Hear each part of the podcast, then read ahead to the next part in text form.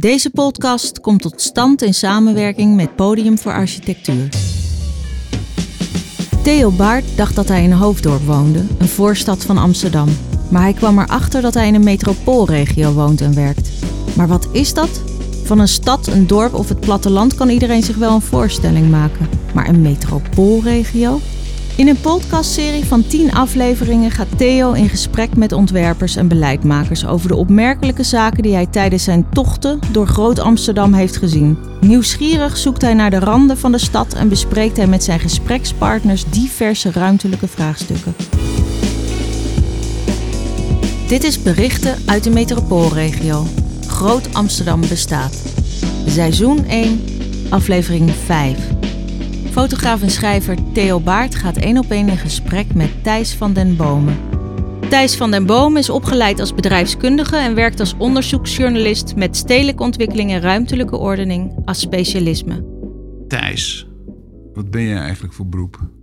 Ik ben journalist en, uh, en stadsonderzoeker. Ik heb me steeds meer. Ik specialiseer me in openbare ruimte, in stedelijkheid, in publieke ruimte, in de relatie tussen infrastructuur en stedenbouw. En van daaruit uh, noem ik ook steeds vaker stadsonderzoeker, omdat het wat duidelijker is dan journalist. Want uh, ik schrijf bijvoorbeeld niet over dierenmishandeling of dat soort dingen. Gemiste kans natuurlijk. Maar ja. het is, je bent eigenlijk een, een soort planoloog die wel kan schrijven. nee, ik kon schrijven en ik probeer me te verdiepen in de planologie en de logica daarvan. En ik begin daar nu enig gevoel voor te krijgen hoe planologen en stedenbouwers denken. Uh, dat kan ook een nadeel zijn, omdat je dan te veel in dat jargon uh, terechtkomt. Dus ik probeer daar toch een uh, afstand van te houden, maar wel met begrip van de dilemma's, de overwegingen, de, de, de theoretische beginselen waarmee planologen en stedenbouwers kijken. Dus jij brengt eigenlijk een journalistieke vaardigheid, breng jij in bij een proces van het opstellen bijvoorbeeld van een nota of zo? Hoe moet ik me dat voorstellen in de praktijk? Hoe werkt dat dan? Nou, het werkt heel verschillend. Kijk, ik schrijf gewoon voor de krant. Uh, dan werk je vanuit je journalistieke uh, nieuwsgierigheid en, journalistieke premissen. Maar ik doe bijvoorbeeld ook op dit moment onderzoek voor Stadforum. Dat is een onafhankelijke denktank van de gemeente Amsterdam. Uh, zijn we aan het kijken naar Groot Amsterdam. Dus dat is in opdracht.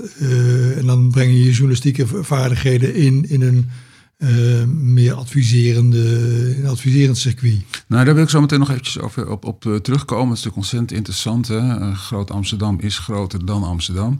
Dus vooral in die randen, of de randen, zeg maar de buitenkant van de grote stad, daar gebeuren interessante dingen. Daar komen we zo meteen op. Wij hebben samen natuurlijk ook een paar dingen gedaan. Ja. Um, alweer tien jaar geleden, geloof ik hebben wij uh, een stuk gemaakt voor het NRC Handelsblad. Um, um, dat, was, dat ging eigenlijk ook al over de metropolitane schaal.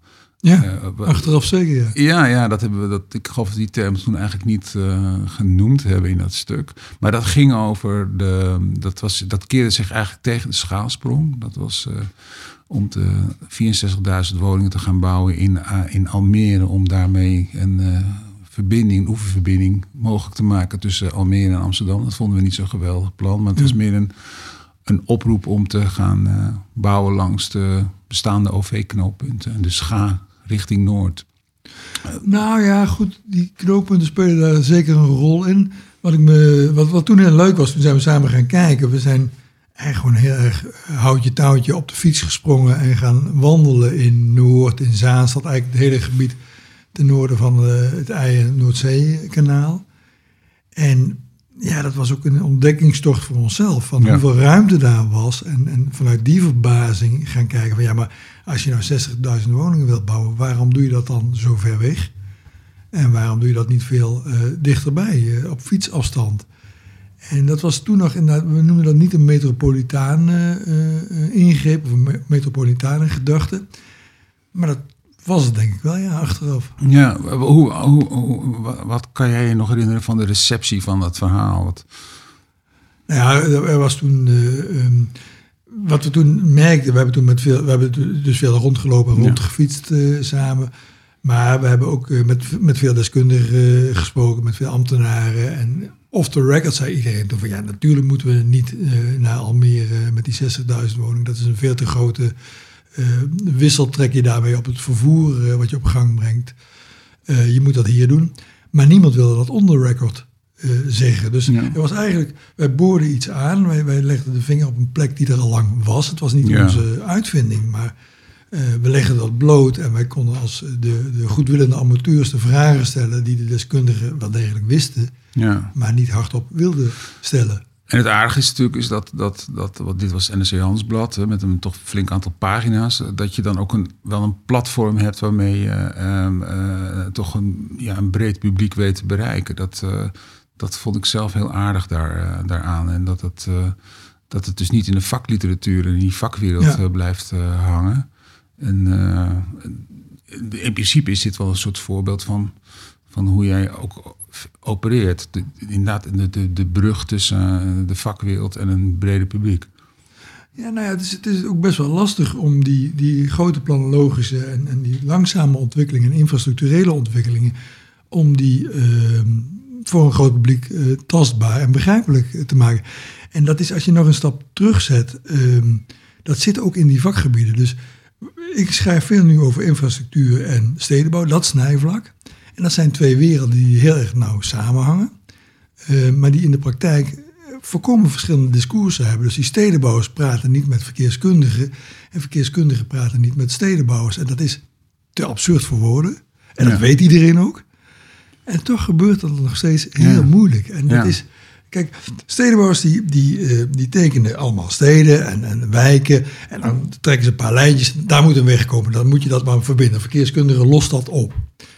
En die verkeerskundigen hebben zoiets van, jezus, what the fuck, weet je dit kan helemaal niet. Dus die verkeerskundigen doen het andersom. Ja, Die trekken allemaal lijnen en vervolgens trekt die stad daar naartoe. Die, die woningbouw en, en werkgelegenheid en bedrijven klonteren samen rond wegen, rond stations, rond afslagen. En dan zeggen die stedenbouwers heel verbaasd van, daar is hier ineens een stad ontstaan. Ja, Ja. Amahula, dat, Ja. zo gaat het. Dus stad en infrastructuur zijn eigenlijk hetzelfde. Kijk maar, hè, een stad is een verzameling straten, wegen, knooppunten, eh, tramlijnen, eh, tussen huizen en gebouwen en, en bedrijven. Dus je kunt dat nooit uit elkaar trekken en toch gebeurt dat permanent. dus het, het, het, onvermogen om met elkaar ideeën uit te wisselen en op gelijk, voet van gelijkwaardigheid waarschijnlijk dat discours te voeren, verklaart waar, eh, dat het, hoe het Nederlandse landschap eruit ziet zoals het er nu uitziet. Of is dat een beetje kort door de bocht? Nou, dat is misschien wat kort door de bocht, maar heel veel problemen eh, komen daar absoluut uit voort. Eh, Ja. Kijk, ehm, je hebt de Land Use Feedback back Circle. Dat is een theorie uit de, uit de verkeersplanologie. Hm. En het is heel moeilijk even om dat nu kort te ze- zeggen in, voor, voor radio of voor een podcast. Maar het komt erop neer dat op het moment dat er een weg is, kun je daar naartoe, verzamelen zich daar mensen en ontstaat er een noodzaak om je te verplaatsen. En Ja. komt er meer verkeer. Dus het is eigenlijk een soort cirkel die zichzelf versterkt. Als je dat niet goed oplost, als je dat niet goed doordenkt, dan eh, kun je dan eh, creëer je steeds nieuwe opstoppingen, steeds nieuwe problemen die je vervolgens ehm, eh, moet gaan oplossen. Ehm, wat ik een heel hoopvol concept vind, wat de laatste jaar, twee jaar opgang doet, is nabijheid. En ehm, dat is eigenlijk, kun je tegenover bereikbaarheid eh, zetten. Bereikbaarheid gaat erom of je ergens kunt komen. En dat, nou, als iets goed bereikbaar is, dan eh, kun je je daar vestigen of dan kun je daar Ja. naartoe eh, komen. Het probleem is, bereikbaarheid leggen we heel veel uit in termen van tijd en snelheid. Dus we maken een, een verbinding tussen twee steden met een snelle trein. Dan denken we, dan wordt het beter bereikbaar. Nee, dan gaan mensen dus verder weg wonen. Ja. Ze gebruiken die bereikbaarheid om steeds grotere afstanden te creëren. Een heel slecht voorbeeld, of een, goed voorbeeld, maar een, een slechte uitleg van, die, eh, van dit mechanisme, is de Hyperloop. We gaan enorme buizen creëren. Dan gaan we mensen in enorme snelheden afschieten. In een soort eh, wagonnetjes die in een vacuüm pijlsnel van hier naar Groningen kunnen. Buizenpost. Buizenpost met mensen. Ja. Dat is de oplossing voor de bereikbaarheid. Nou, dat is helemaal geen oplossing voor de bereikbaarheid. Dan maken we het probleem nog groter. Ja. Dan gaan we dus nog verder weg wonen. Hoge snelheidslijnen. Eh, bekend voorbeeld is eh, Lyon. Lyon wordt met de hoge snelheidslijn met Parijs verbonden. Wat gebeurt er? Mensen gaan eh, in eh, Lyon wonen. en in Parijs werken. Dat god voor Bordeaux ook, ja. ja.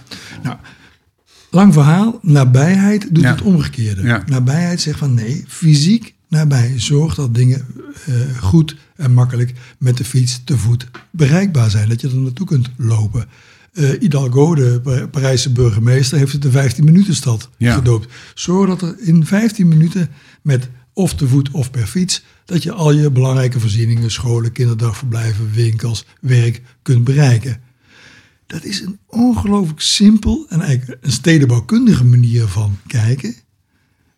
Als je dat kunt incorporeren in die infrawereld, hoe je je infrastructuur plant, dan maak je enorme stappen. Dus ik denk, ben in die zin wel optimistisch dat er nu een, een kanteling plaatsvindt om die bereikbaarheid in snelheid uh, af te wisselen, uh, te vervangen door een bereikbaarheid in afstand. Maar kijk, in, in, in, een, in een compacte stad of in een stad die al compact is, hè, zoals Amsterdam dat is, uh, kan je daar iets bij voorstellen. Dat je dat die 15 minuten in Parijs ook, dat je die 15 hm. minuten nog wel eens een keertje gaat uh, realiseren. Maar hoe moet dat nou in uh, Purmerend of in Lelystad of in Almere? Dat zijn, daar is dat probleem natuurlijk veel groter. Per definitie ben je daar naar wat dan ook ben je langer onderweg. En moet het ook met de auto? Nou kijk, sowieso die auto krijgen er niet uit. En die bereikbaarheid over grotere afstanden kun, kunnen we en willen we ook niet uh, wegnemen. je kunt nooit alles op 15 minuten afstand eh, creëren. Maar even naar Amsterdam of Parijs, een 15 minuten dat betekent niet dat je alles in een monocentrische stad kunt gieten. Dus dat je alles op het centrum van die stad concentreert, want dan ben je veel langer onderweg. Ja. Maar dat je dus meerdere centra moet hebben. Ja. Nou, eh, de omgevingsvisie van Amsterdam, de omgevingsvisie 2050. Je moet even uitleggen wat een omgevingsvisie is. Dat is moeilijk, want daar ben ik zelf ook nog niet helemaal achter. Maar dat is eigenlijk de, de oude structuurvisie. Uh, dus een, een lange termijn dat perspectief. een lange, lange termijn perspectief ja. voor de stad. Ja, oké. Van waar willen wij in 2050 uh, naartoe. En die is net verschenen. De gemeente Amsterdam heeft hem net publiek gemaakt. Ja. Net twee weken geleden het ontwerp. Hè? Dus ja, ja, er wordt nog over gepraat. Komende een half jaar wordt er inspraak en wordt het hele circuit opgetuigd. Over een half jaar moet die dan definitief worden. Nou, daarin zie je dat bijvoorbeeld die uitrol van het centrummilieu, wat we tot nu toe deden. Hè, Amsterdam is vanuit het centrum, vanuit de Dam hebben we de hè, dan naar de 19e eeuwse wijken. Die moeten we uit laten dijen. Ja dan wordt die stad steeds groter. Ja. Dat bezwijkt. Ja. Want die afstanden worden veel te groot. Het centrum wordt steeds dichter en steeds complexer. Ja. En de buurten daaromheen worden steeds armer, steeds uh, armoediger en steeds schaler. Nou, groot geluk, Amsterdam heeft die monocentrische benadering eindelijk losgelaten. Amsterdam moet een meerkernige stad worden. Dat betekent dat ze dat Zuidoost, Noord en nu West hun eigen centra moeten krijgen. Dus die 15 minuten stad moet je dus het zijn dus allemaal 15 minuten steden binnen één stad. Ja. Lelystad, Purmerend vroeg je naar. Nou, terecht. Dus die moeten ook een aantal basisvoorzieningen goed op orde houden. Dat betekent dat je dus binnen Purmerend of binnen Lelystad... dat kun je zeg maar als één 15 minuten stad eh, beschouwen... dat daar alles is. Niet, niet, hè, hoeft niet per bioscopen horen daar bijvoorbeeld bij. Uh, ziekenhuis misschien, anderhalve lijns uh, ja, gezondheidszorg gaat door. In ieder geval een eerste hulppost. Dus dat mensen ambulant allerlei uh, zorg kunnen krijgen die ze nodig hebben. Zorg dat je dat allemaal op die 15 minuten organiseert. En dan hou je nog steeds over dat een aantal voorzieningen natuurlijk wel degelijk op randstedelijke of nationale schaal spelen. Dat hou je. Dus die bereikbaarheid met treinen, auto's blijft. Maar verminder dat belang. Ja. Ja, dat is. Nou is de aanleiding voor dit gesprek het, uh, het boek wat ik gemaakt heb, uh, Groot Amsterdam. Hè, waarin ik uh, steeds van, eigenlijk vanuit die randen van die metropoolregio naar die kernstad toe ga. En eigenlijk het, het, zwaartepunt ligt dus ook heel erg op die, op die buitenkant. Hè. Hoe, wanneer wordt de stad eigenlijk manifest en de verdichting? Ja. Um, in het laatste stukje wat ik schrijf in dat boek gaat het over Schiphol door de COVID-19 uh, en de malaise in de luchtvaart uh, wordt dan de Aalsmeerbaan uh, gebruikt als een parkeerplaats voor allemaal blauwe vliegtuigen. Mm een, een indrukwekkend gezicht. En ik beschrijf dat ja, blijkbaar kan die baan gewoon dicht. Ja. En nou weet ik wel, een bijzondere omstandigheid. Er wordt niet gevlogen. Dus je had misschien nog, nog twee andere banen ook kunnen, kunnen dicht kunnen houden. Maar was voor mij aanleiding om te denken van ja, god, is dit nou niet eens een keer een moment om na te gaan denken over wat je nou met die luchthaven eh, kan. Eh, jij en ik hebben een verhaal gemaakt, ook voor de NRC Handelsblad, wat een paar weken geleden verscheen over eh, de mogelijkheid om, ja, wat, wat leeft het nou op? Ja. Ook als je nadenkt over mobiliteit en woningbouw. als je eens zo'n zo'n zo'n zo'n baan zou sluiten, kan je daar kan je iets ook meer over zeggen over waar dat verhaal over gaat? Ja. Nou, we begonnen natuurlijk voor, voordat de coronacrisis uitbrak. Ja toen begonnen we eigenlijk al heel voorzichtig met z'n tweeën. Eigenlijk een herhaling van, van tien jaar geleden Noord. zijn we naar Zuid gaan kijken. Um, aanleiding was ook weer die infrastructurele kant daarvan, de vervoerskant. Ja. Een uh, appel wat Goudappel Koffing, het belangrijkste verkeerskundig bureau van Nederland en zeker van Amsterdam, uh, heeft doen uitgaan van we lopen vast. Hele simpele kaartjes. De werkgelegenheid van Amsterdam concentreert zich aan de zuidzijde. Dat groeit als kool. De woningbouw blijft daarbij achter. Dus de pendel, het eh, op- en neerreizen van, wonen, uh, van je woning naar je werk, wordt steeds sterker. Dus verkeerskundigen zeggen het loopt vast aan die zuidkant. Toen zijn wij gaan kijken, een beetje op dezelfde manier als in Noord uh, van in Zuid. Nou ja, waar kun je dan bouwen? Waar zou dat mogelijk zijn? Um, toen zijn we eerst naar de lijn Amsterdam-Utrecht gaan kijken, de spoorlijn. Ja. Er liggen nog wat stationnetjes, je zou daar meer stations kunnen maken. We hadden een soort fantasie van, als we daar nou allemaal stations maken, Loenersloot en, uh, en, enzovoorts, uh, en daar steden van 10, 15, 20.000 uh, inwoners aan koppelt, dan kun je een enorme woningbouwoperatie voor elkaar krijgen die vlakbij werk zit. Ja. Nou ja, dat, dat zagen we al helemaal voor ons. We waren aan het tekenen. Ik kan me nog een keer herinneren dat wij in Loedersloot rondliepen. Jij met je camera. En dat er een mevrouw met een hondje liep. Ja. Bent u van de gemeente? Vroeg zij uh, heel wantrouwend. En, jij zei nog ja. ik zei nog van nee, hij is dat. Want jij liep met je camera. Heel laf was dat voor mij. Nee, maar... Um, we voelden onmiddellijk de uh, spanning en, en, het verzet wat er in zo'n gemeente zit. En toen vertelde een hoge ambtenaar van ruimte en duurzaamheid, die zei: jongens, uh, prachtig plan. We hebben ook wel eens dat soort schetsjes gemaakt. Uh, kijk eens in het telefoonboek wie daar wonen. Ja. Dat zijn mensen met geld, advocaten, mensen uit de mediawereld die zich met hand en tand zullen verzetten. Wij beginnen daar niet aan, zei, zei die ambtenaar. Ja. En ik denk dat dat een hele reële analyse is. En ook een, een, analyse die we natuurlijk vaker hebben gezien hè, in ja, Amsterdam. Ja. Uh, bijvoorbeeld de tramlijn uh, naar station Zuid is er nooit gekomen omdat die door dat villa-wijkje daarheen moet. Nou ja, de route van de Noord-Zuid, tracé van de Noord-Zuidlijn heeft ook zo'n verhaal. En tegelijkertijd, als je het hebt over de discussie die af en toe weer eens een keertje oplaait over de, het bouwen van uh, een, een, nieuwe luchthaven in de Noordzee. Ja. Dan weet je ook dat die er nooit zal komen, want alle infrastructuur, hè, je moet er natuurlijk toch naartoe komen. Uh, gaat dan door de binnenduinrand en dan kom je langs Bloemendaal en Aardehout. En dan kom je weer diezelfde advocaten en notarissen en ja, uh, de powers that be uh, tegen. En die houden dat, denk ik, die zijn vrij succesvol in het lobby om dat tegen te houden. Dat, ja, we, we, hebben een, een klassenplanologie, absoluut. ja, maar oké. toen zijn we dus verder gaan kijken. Eigenlijk nee, toen hebben we het eigenlijk een beetje laten hangen. Een tijdje van ja, wat moeten we nu doen? Blijkbaar is, blokkeert het daar dermate dat, het, dat wij wel een pleidooi kunnen houden, maar dat is een vrij zinloos pleidooi. Dat gaan we niet doen. En toen kwam die coronacrisis. Toen kwam jij met die foto's van de Aalsmeerbaan met die rijen uh, vliegtuigen geparkeerd. Waar jij toen terecht over zei, het was ook een publiciteitsstunt van Schiphol om te laten zien, kijk hoe moeilijk wij het hebben. Ja. Nou, dat beeld is uh, niet de wereld over, maar wel heel Nederland doorgegaan. Dat is vaak gefotografeerd. En dat bracht ons ineens op een uh, punt dat we gingen kijken van ja, maar als, als je dat nou wegdenkt, stel nou dat dit zo blijft, dat verschaft een denkruimte om aan die zuidkant te gaan ja. verkennen van wat zou je dan kunnen doen ja. met woningbouwen. En? Ja, dan kun je, we hebben dat, uh, we zijn toen gaan kijken in het gebied, in het oude kassengebied tussen Aalsmeer, Amstelveen en, uh, en Uithoren.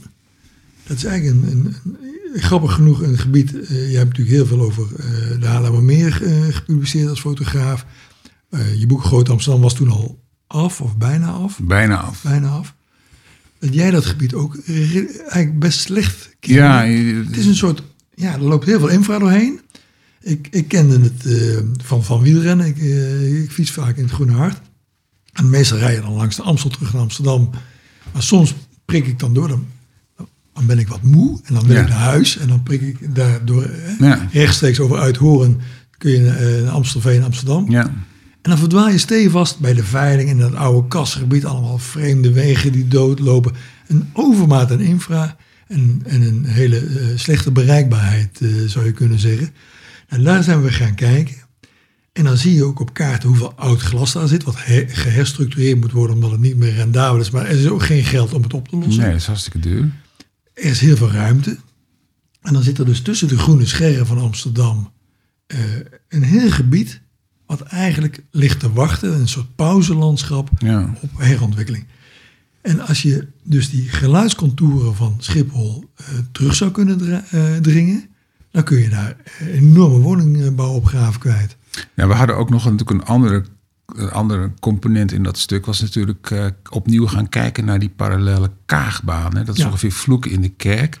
Eh, zowel de provincie Noord-Holland als eh, de gemeente Haarlemmermeer. ehm, die willen van die planologische reservering af... die het Rijk ooit een keertje voor dat gebied heeft ingesteld. Hè. Dus dat was, die, die reservering betekent eigenlijk dat, je, dat, dat als er die baan moet komen... dat dat ook kan, dat die ruimte er ook is. Dat die dus niet bebouwd is. Ehm, wij zeiden van nou, als meerbaan dicht, maar dan ook die, eh, eh, dan misschien toch maar die parallele kaagbaan aanleggen. Want dan heb je technisch gezien de mogelijkheid om toch eh, eh, veilig te kunnen, te kunnen, kunnen vliegen. Ja. Ehm, ja, dat is natuurlijk een, een, een tamelijk onorthodoxe benadering. Het was eh, voor onszelf ook een, eh, een schok om, dit pleidooi te houden aanvankelijk. Van, Ja, maar wij gaan toch niet, Theo, we gaan toch niet serieus voor een Nee. tweede kaagbaan? eh, Ja, ik, ik vond die polderbaan destijds al onzin. Ja. Maar er zijn eigenlijk veel meer argumenten voor die parallele kaagbaan dan voor, eh, voor die polderbaan. Er was gisteren overigens ook een, een, een, een pleidooi eh, om die polderbaan eh, maar dicht te gooien. Het was een beetje een dun verhaal, vond ik, eh, over een, bes- een brandstofbesparing, omdat je zo lang moet taxiën. Een taxi, ja, ligt zo ver weg. Ja, en er is geen roomservice onderweg, dus het is heel Je, je, oncomfortabel. je, ja. kunt, je kunt bijna beter naar je bestemming rijden. Ja, dan ja, naar ja, Frankfurt ja. rijden met je vliegtuig. Ja. Maar ehm, het is een ingewikkeld pleidooi wat we houden. En het is ook een. eh, ik denk ook niet dat wij eh, de oplossing te pakken hebben. Hm. Ehm, ik denk dat de kern van ons verhaal is van één, eh, de denkruimte om Schiphol anders, kleiner, andere contouren, Ja. andere banen te denken, moet je nemen. Ja. We moeten vanuit die landzijde gaan kijken naar Schiphol. We kijken, Schiphol domineert de discussie vanuit haar eigen realiteit. Ja. Wij willen zoveel mogelijk banen. We willen alle kanten op kunnen vliegen. We willen maximale eh, ruimte in kunnen nemen. En dat snap ik. Als ik directeur van Schiphol zou zijn, zou ik dat ook willen. Ja. Het stomme is alleen dat er geen tegengeluid eh, eh, hoorbaar is. Of geen echte tegenkracht is. Er zijn natuurlijk heel veel tegenstemmen. Er zijn heel veel mensen heel boos op Schiphol. Maar het zijn allemaal versnipperde stemmen. Dat is allemaal eh, gemeentes, eh, locaties, buurten die een probleem hebben met Schiphol. eh, en die aan allerlei tafels moeten proberen om hun st- stoepje niet schoon, maar wel stil te houden. Ja. Eh, een collectief nadenken over een landzijde, van wat betekent Schiphol voor de landzijde, en een afweging vervolgens tussen die land- en die luchtzijde, gebeurt bizar Nee. genoeg niet. En dat Nee. is, ik heb me dat ook eigenlijk pas vrij laat in het eh, eh, schrijven en denken hierover eh, gerealiseerd. Eigenlijk door de commissie Pieter van Geel. Die constateert van die hele luchtvaart blijft buiten onze ruimtelijke ordening. Dus we hebben een systeem ontworpen in Nederland, de MIRT, de meerjaren infrastructuur, transport en ruimte. Een, moeilijke afkorting, maar een belangrijk overleggen waarbij grote infrastructurele beslissingen, bijvoorbeeld aanleg van snelwegen, nieuwe spoorlijnen, in grote tafels worden afgekaart en, en overlegd tussen Rijk, regio, gemeente, tussen allerlei invloeden, allerlei belangen die daar op het spel zijn, die worden samen afgewogen. Nou, dat is een ingewikkeld proces, maar in ieder geval wordt alles meegenomen. Dat doen we met alle moeilijke dingen in Nederland, alle grootschalige investeringen, behalve met Schiphol. Schiphol wordt gezegd, daarna gezegd, Schiphol krijgt zoveel ruimte, regio, stad, omgeving, zoek het uit. En vervolgens gaat Schiphol in discussie met gemeentes daaromheen Ja, dan krijg je een verdeel- en heerspolitiek waarbij niemand ooit tevreden kan zijn. En waarbij we eh, eh, ook ontdekten wat Schiphol zijn eh herrie zoveel mogelijk spreidt. Iedereen een beetje tevreden, of beter gezegd, beter ontevreden houdt. Maar geen structureel nadenken over kun je en moet je Schiphol anders inrichten. Nou, ons pleidooi is denk ik vooral denk op die manier, op die schaal Ja. eh, daarover na. En of dat dan een tweede parallele kaagbaan moet zijn, of een baan tussen de polder en de, eh, de Zwanenburg, of een andere reconfiguratie. Maar in ieder geval, denk op die manier, op dat niveau, Ja. op lange termijn na Ja. over Schiphol. Nou, wat mij ook zo trof bij het lezen van al die eh, onderzoeken, vooral naar die, naar die banenconfiguraties, dat er eigenlijk maar één uitgangspunt was, was namelijk om te onderzoeken hoe je de groei kon accommoderen. Ja.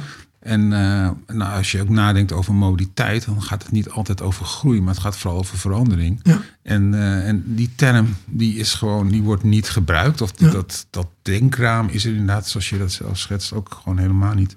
Dat, dat vind ik wel fascinerend. En het lijkt als het om Schiphol gaat, dat er inderdaad sprake is van een status aparte. Maar ook dat iedereen zijn eigen, eh, ja, zijn, zijn eigen greppel zo diep heeft eh, gegraven dat hij met zijn kop er ook niet meer bovenuit kan steken. Dus Ja. het is een, een, een, een, ook een, een, discussie die vaak gewoon eh, ja, niets oplevert. Ik Ja. vind de tegenstanders van Schiphol net zo oninteressant als de mensen die vinden dat eh, Schiphol alle ruimte moet eh, krijgen. Het is eh, eh, eh, intellectueel gesproken een beetje toch een dor eh, aardappelveldje. Eh, Nou ja, het is, het is vooral omdat het zo ongelooflijk technisch wordt en dat iedereen meteen in, nou ja, wij hebben ook een aantal poldervariant 7AB af moeten wegen tegen 6A. En dat gaat, Ja. nou, ik ga het niet uitleggen Nee, nu, dan maar kijk niet. naar de kaartjes. ja. Maar ehm, elke discussie over Schiphol, juist omdat er een groot afwegingsplatform ontbreekt van over de grote lijn, ja. Ehm, gaat iedereen zich in zijn eigen greppeltje en in zijn eigen eh, eh, deelprobleem ingraven en oplossingen, deeloplossingen daarvoor forceren, die vervolgens natuurlijk loopt die herrie over de schutting en komt die bij de buren terecht, die vervolgens weer boos worden. Nou, dan krijg je allerlei eh, gedetailleerde subdiscussies ja. die steeds moeilijker, steeds moeilijker volgbaar worden.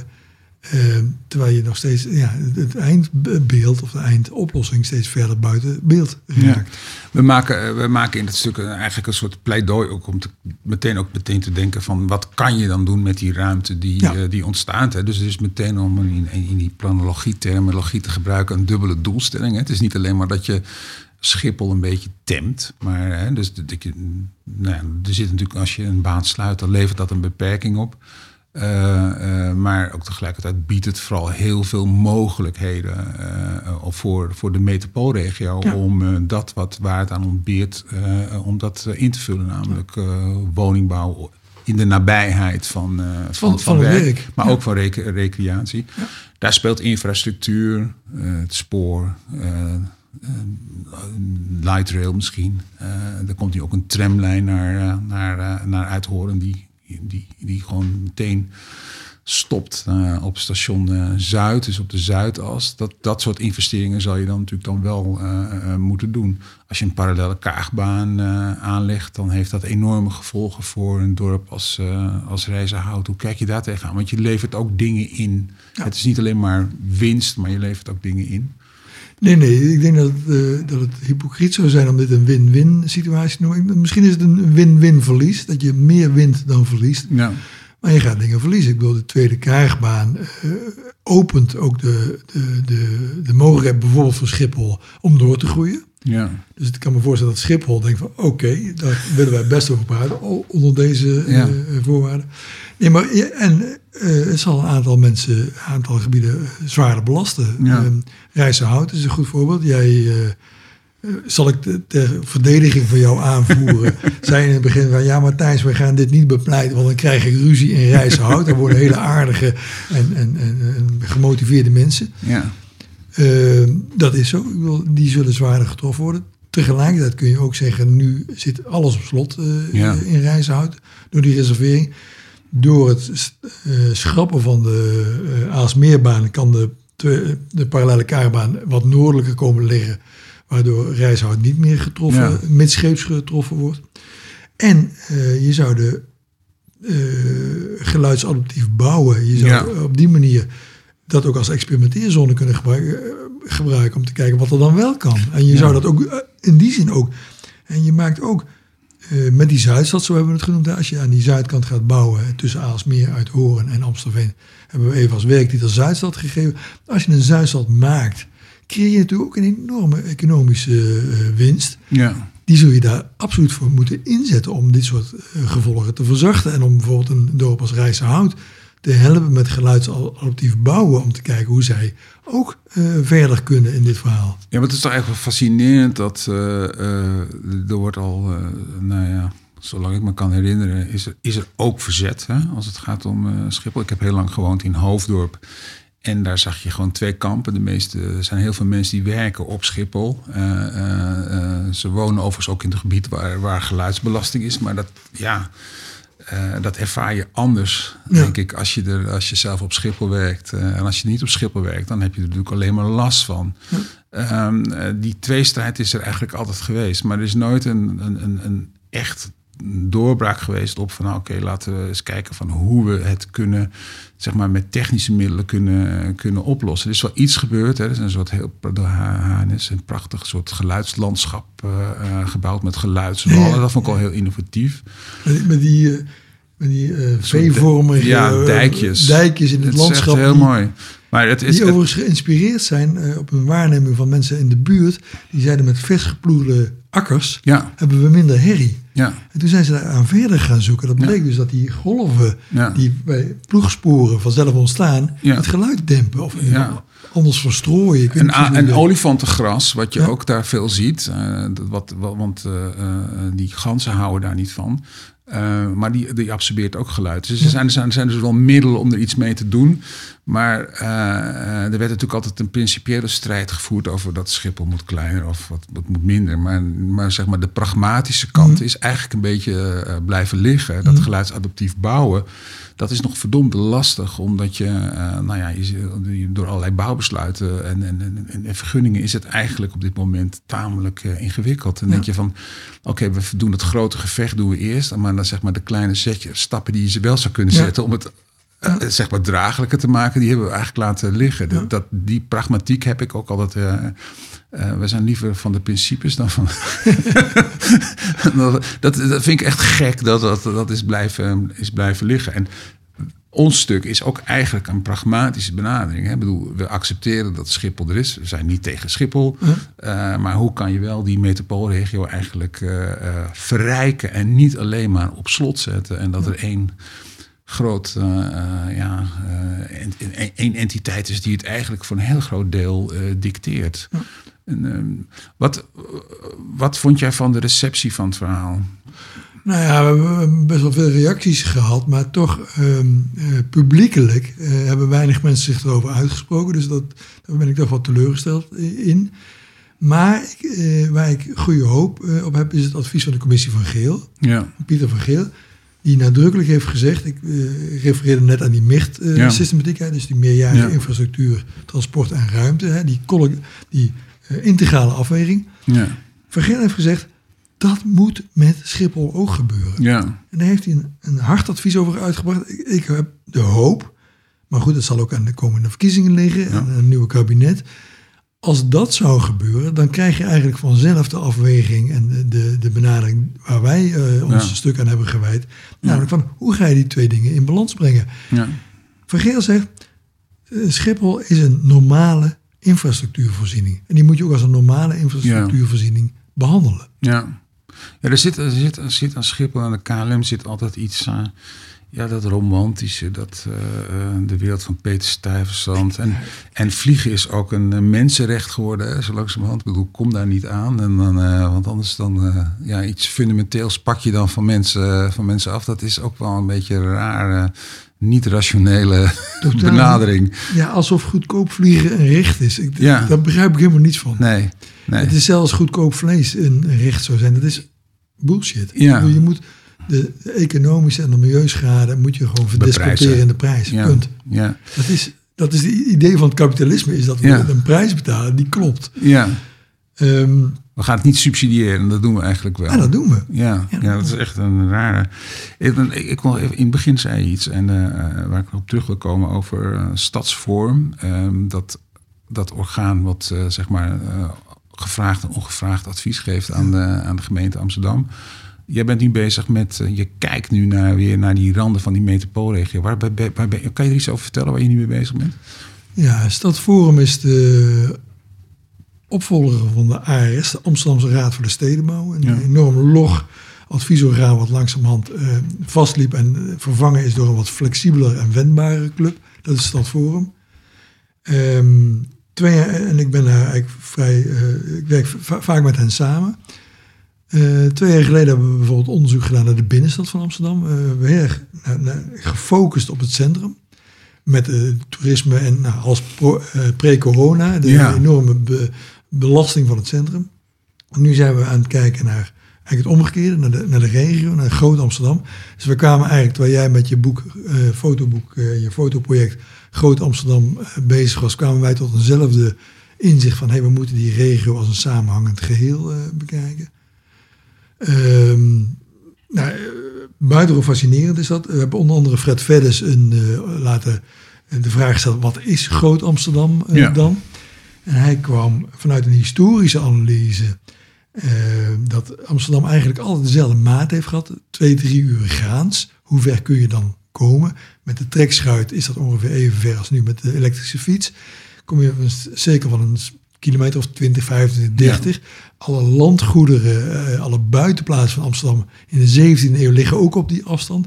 Dat is eigenlijk nog steeds, kun je dat vrij goed ja. zien. Dus je kunt Groot Amsterdam, hè, dat is echt iets anders dan de MRA. MRA is een bestuurlijk lichaam. Ja, een beetje onwezenlijk uh, entiteit. Absoluut, Lelystad hoort daarbij. Dat is echt te ver. Dat hoort ja. niet bij Groot Amsterdam, maar Ronde Venen en Apkoude horen er niet bij te Dat is op een steenworp ja. afstand. Ja, dus leg dat maar eens uit. Ja. Je hebt hetzelfde gedaan in jouw boek. ja. Dus van die lijnen, hoe kom je nou van buiten naar binnen? Ja. Uh, hoe, wat zie je dan? En wanneer komt die stad, wordt die groter? Wanneer verdicht die? Wanneer zwakt die weer af? Nou, wij hebben dat ook, doen we dat ook. We hebben op vijf plaatsen zijn we nu proefboringen aan het doen. Dan zijn we aan het kijken. De vraag is dan, die we daar stellen, is van... Amsterdam uh, kijkt altijd van binnen naar buiten. Wij gooien eigenlijk onze shit naar buiten. Ja. We willen de voordelen halen we naar binnen. En de overlast en de dingen die we niet Ja. willen gooien we naar buiten. Dus we draaien het nu om. We vragen op die proeflocaties. Wat zou Amsterdam voor uw gemeente kunnen doen? En vooral wat zou Amsterdam niet voor uw gemeente eh, moeten doen? En dat is al een soort paradigmawisseling. Dat je kijkt van uit die werkelijkheid, uit de realiteit. En de belangen van die regio. We doen dat in Purmerend, uh, Almere Poort, Beverwijk, Hilversum en Uithoorn. En niet heel toevallig doe ik Uithoorn, want ik dacht van, oh wacht Ja, even, dat hangt samen met het onderzoek Ja. eh, wat ik met Theo aan het doen ben. Zijn we daarnaar aan het kijken en, en dat is, eh, dat is ongelooflijk spannend wat eruit komt. En een, een voorbeeldje is een detail waar ik eh, van tevoren niet aan heb gedacht. Ik zat in Uithoorn, interviewde ik twee jongeren. Eigenlijk ging het over wonen. Maar in de zijlijn kwam ter sprake eh, Daisy en Martijn. Daisy is 23 en Martijn is 25. Daisy komt uit, uh, uit Horen en Martijn uit Aalsmeer. Ze wonen nu samen in Uithoren. Op een jongerenappartement. Een, uh, wat vroeger een had-eenheid Ja, heette. Van Dam-eenheid. Een zelfs Van. Dam-eenheid nog, ja. Uh, wonen, hebben allebei aan, in Amsterdam gestudeerd aan de HVA. Wonen een kwartier fietsen van hun werk. En hebben twee auto's. Ik zei, wat? Twee auto's? Hoezo twee auto's? Waar hebben die dan voor nodig?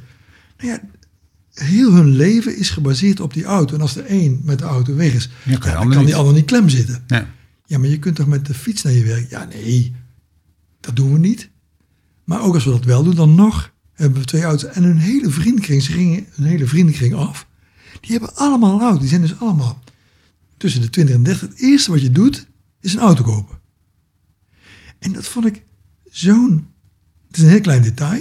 En het zijn maar twee mensen. En toch is het precies wat wij in Amsterdam elke keer over het hoofd zien. Wij denken vanuit onszelf. Wij delen eh, auto's, we fietsen, we gebruiken het OV. Maar dat is, dat is de realiteit van de stad. Daar is al makkelijk, die 15 minuten. Maar daarbuiten niet. Dus daarbuiten is een autowereld die wij eigenlijk niet erg serieus nemen. Ik heb even gekeken bij CBS-vervolgers. Amsterdam heeft een halve auto per huishouden. Tendens dalend. Gaat heel langzaam, afgelopen 20 jaar omlaag. Uithoren heeft 1,17 auto per huishouden, tendens stijgend. En Almere, waar jij nu naartoe bent verhuisd, Ja. heeft 3,05 auto per huishouden. Drie auto's per voordeur. Tendens sterk stijgend. Dat is een realiteit. Als je naar Groot Amsterdam kijkt, is die auto dus een heel belangrijk ding nog steeds. En als we niet, daar geen oplossingen voor vinden, dus terug naar die 15 minuten stad, zei jij van hoe moet dat dan in Purmerend en in, Ja. eh, in Almere. Daar zullen we dat voor een deel, dus dat fietsen, lopen, hè, dat je binnen je eigen buurt, binnen je eigen stad, de belangrijkste voorzieningen op loop, fietsafstand kunt vinden, moeten regelen. Maar ook die verbindingen tussen die steden, de, de hubs, waar je van het ene op het andere af eh, overstapt, daar zullen we eindelijk eens een goede oplossing voor moeten vinden. Hubs zijn hele nare dingen. Dat zijn die PNR's aan de, bij Muiden. Ja. En zo'n winderig parkeerterrein, Ja. dan moet je je auto neerzetten, dan moet je op de bus stappen. Ja. En dat tocht het en het is altijd naar. Ja. Het zijn technocratische, echt vervoersdingen. Dat komen uit de infrawereld. Ja. Daarom mislukken ze ook altijd. Dus ook daar zal die stedenbouw. Dus ik heb in het begin gezegd, die stedenbouw moet zich. ehm de infrastructuur moet zich meer met die stedenbouw bezighouden. Maar die stedenbouw moet zich ook meer met die infra bezighouden. Hoe kunnen we van hubs en die, dat probleem dat die groot Amsterdammers buiten de stad in hun auto, hoe komen die dan naar de stad? Daar moeten wij over na gaan denken. Ja. Dat moeten we serieus nemen, die behoefte. En we moeten dat faciliteren en omzetten in iets wat minder negatief is dan nu. Ja. Ik weet ook niet hoe. Ik ben een Nee, eenvoudig dat- journalist, maar daar zit wel een groot probleem wat we elke keer over het hoofd zien. Oh nee, dat is gedoe. Doen we Nou, ik- toen ik eh, eh, 17 jaar geleden geloof ik in Hoofddorp ging wonen, in de Phoenixwijk. Toen, eh, daar heb ik ook een boek over gemaakt en probeerde uit te zoeken hoe dat nou eh, daadwerkelijk eh, eh, ontwikkeld was en wat voor afwegingen waren gemaakt. Er was een Partij van de Arbeid eh, wethouder en die was dus eh, tegen, eh, tegen auto's. En toen werd er dus een parkeernorm eh, werd er dus, eh, afgesproken en ook gere- gerealiseerd. Eh, die volstrekt niet realistisch was. Hè. Dus je ontwikkelt een wijk die helemaal ingericht is op, eh, op de auto, om dan tegelijkertijd te zeggen van, eh, maar je mag geen auto Ja, ja. hebben. Ja. En dan was de parkeernorm was 1,2 Ja. Per, eh, per huishouden, me- meen ik me te herinneren. En, eh, en, en, en ja, maar mensen houden zich niet aan de parkeernorm. Hè. Nee, dat, eh, zoeken een oplossing. zoeken een oplossing voor een, voor een probleem. En dat te doorbreken, maar ook door de inrichting van die wijken, waarin het bezit ver- versnipperd is. Hè? Het zijn bijna allemaal koopwoningen. Hoe ga je daar nou verdichten? Hoe, want dat zal on- onvermijdelijk zijn als je, als je eh, hoogwaardig openbaar vervoer als alternatief wil aanbieden. Dat zijn schier om, bijna onmogelijke eh, vraagstukken. Almere ken ik nog niet zo goed. Ik ben, woonde er nog maar drie weken, dus eh, ik heb er nog niet zoveel gezien. Maar Zes stations. ja, dat was voor mij een reden om op- die plek, was tien minuten fietsen van het station. Ja. Ik denk dat dat lijkt mij heel erg goed. Eh, eh, maar als ik in het straatje waar ik woon eh, kijk, dan zie ik die, die realiteit van, die, van het CBS, zie ik daar gewoon zich helemaal. terug, ja. ja, dat, is- dat staat helemaal op eigen terrein weliswaar, maar staat helemaal vol met auto's. Ja. Ja, maar goed, er zijn ook geen eenvoudige oplossingen. Verdichting noem je al, terecht als een van de lijnen waar langs je kunt denken. Met name van stationsgebieden. Hè. Ja. Stations die er liggen, gebruik die veel Ja, intensiever. ja. Eh, zorg voor voorzieningen op wijkniveau. eh, dat je daar een aantal dingen veel makkelijker bereikbaar maakt. Of, eh, nabij maakt. Ehm, gok ook niet alleen op het OV. Ik bedoel, fietsen en eh, lopen zijn natuurlijk ook hele belangrijke eh, ehm, vervoersmiddelen. Met een elektrische fiets kom je steeds verder. Ehm, een van de dingen uit corona, bijvoorbeeld werken, is natuurlijk interessant. Mensen willen naar kantoor. eh, dat thuiswerken is, is ook een drama. ja. Maar misschien moeten die kantoren kunnen die ook wel verspreid gaan liggen. Misschien komen er kantoorverzamelgebouwen op wijkniveau waarin je Ja, op een goede manier faciliteiten, niet per se collega's van je eigen bedrijf, maar wel andere werkers, Ja. waardoor, er een, waardoor je wel uit je huis bent, maar niet per se naar Den Haag of naar Amsterdam moet om eh, op Nou, en- hetzelfde kantoor te zitten. Aan de, aan de rand van Amsterdam, dat vind ik ook zo boeiend in de Rieke Polder, zie je dat. Hè? Dus in die oude IBM, eh IBM Ja. moet je zeggen, gebouwen, zie je dus allemaal van dat soort flexplekken ontstaan. Ja. En de schaal is echt gigantisch. Ja. Dus de vraag is ook heel erg, eh, heel erg groot. En dat geeft ook een enorme impuls aan zo'n aan zo'n gebied. Ik bedoel, dat... uh, dat het is grappig ook dat de, dat de flexkantorenmarkt vol vertrouwen is dat die Ja, coronacrisis hun een boost gaat geven. Ze hebben natuurlijk even een enorme dip gehad de afgelopen half jaar. Maar zij zeggen, van, dit is perfect. Wij zijn hierop... ge- Betere eh, reclame is er bijna niet, eh, is er niet eh, denkbaar. Hey, afsluitend, hoe eh, ehm, eh, die veranderende houding van Amsterdam, hè, dan, hè, van hoe Mhm. kunnen we helpen, wat moeten we niet doen? Dat is bijna een soort dienstbaarheid aan de, aan de regio. Hoe wordt dat, heb je daar een beeld van hoe dat ontvangen wordt bij, bij gemeentebestuurders in die, eh, eh, nou bijvoorbeeld in Hilversum of zo, of in Gooisemeer? Heb je daar een beeld van? Of is dat... eh, Nou, het verschilt natuurlijk heel erg per gemeente. Voorop, eerst is Amsterdam heeft die nederige houding. Femke Halsma is daar buitengewoon scherp zich van bewust ja, dat Amsterdam geen hoogmoedige houding ja, moet dat aannemen. het gewoon Nee. niet werkt en dat ze daar alleen maar meer problemen mee krijgen. Ehm, in, in een aantal gemeentes is die samenwerking goed. Bijvoorbeeld Purmerend eh, is er een grote openheid en, en ook een vertrouwen met Amsterdam.